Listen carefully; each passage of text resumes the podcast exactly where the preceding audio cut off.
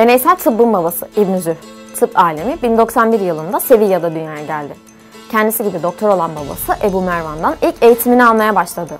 Batı dünyası onu Avenzor adıyla tanıdı. Müslüman alim, akılcı tedavi yöntemleri buldu ve onları geliştirdi.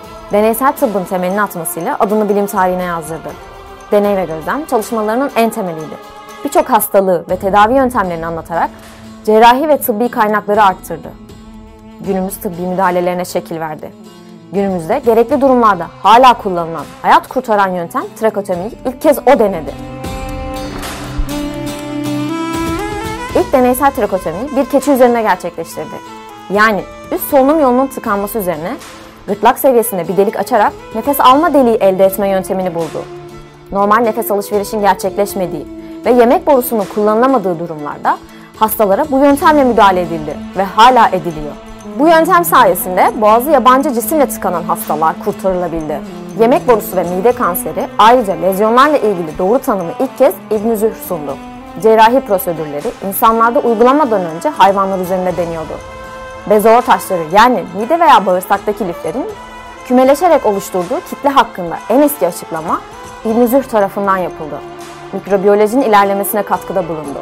İnsan sağlığı için sağladığı diğer katkı ise uyuz hastalığının tanımlaması oldu. Bu yüzden bazı kaynaklar onu ilk parazitoloji doktoru olarak anlattı. Günümüze kadar 3 eseri ulaştı.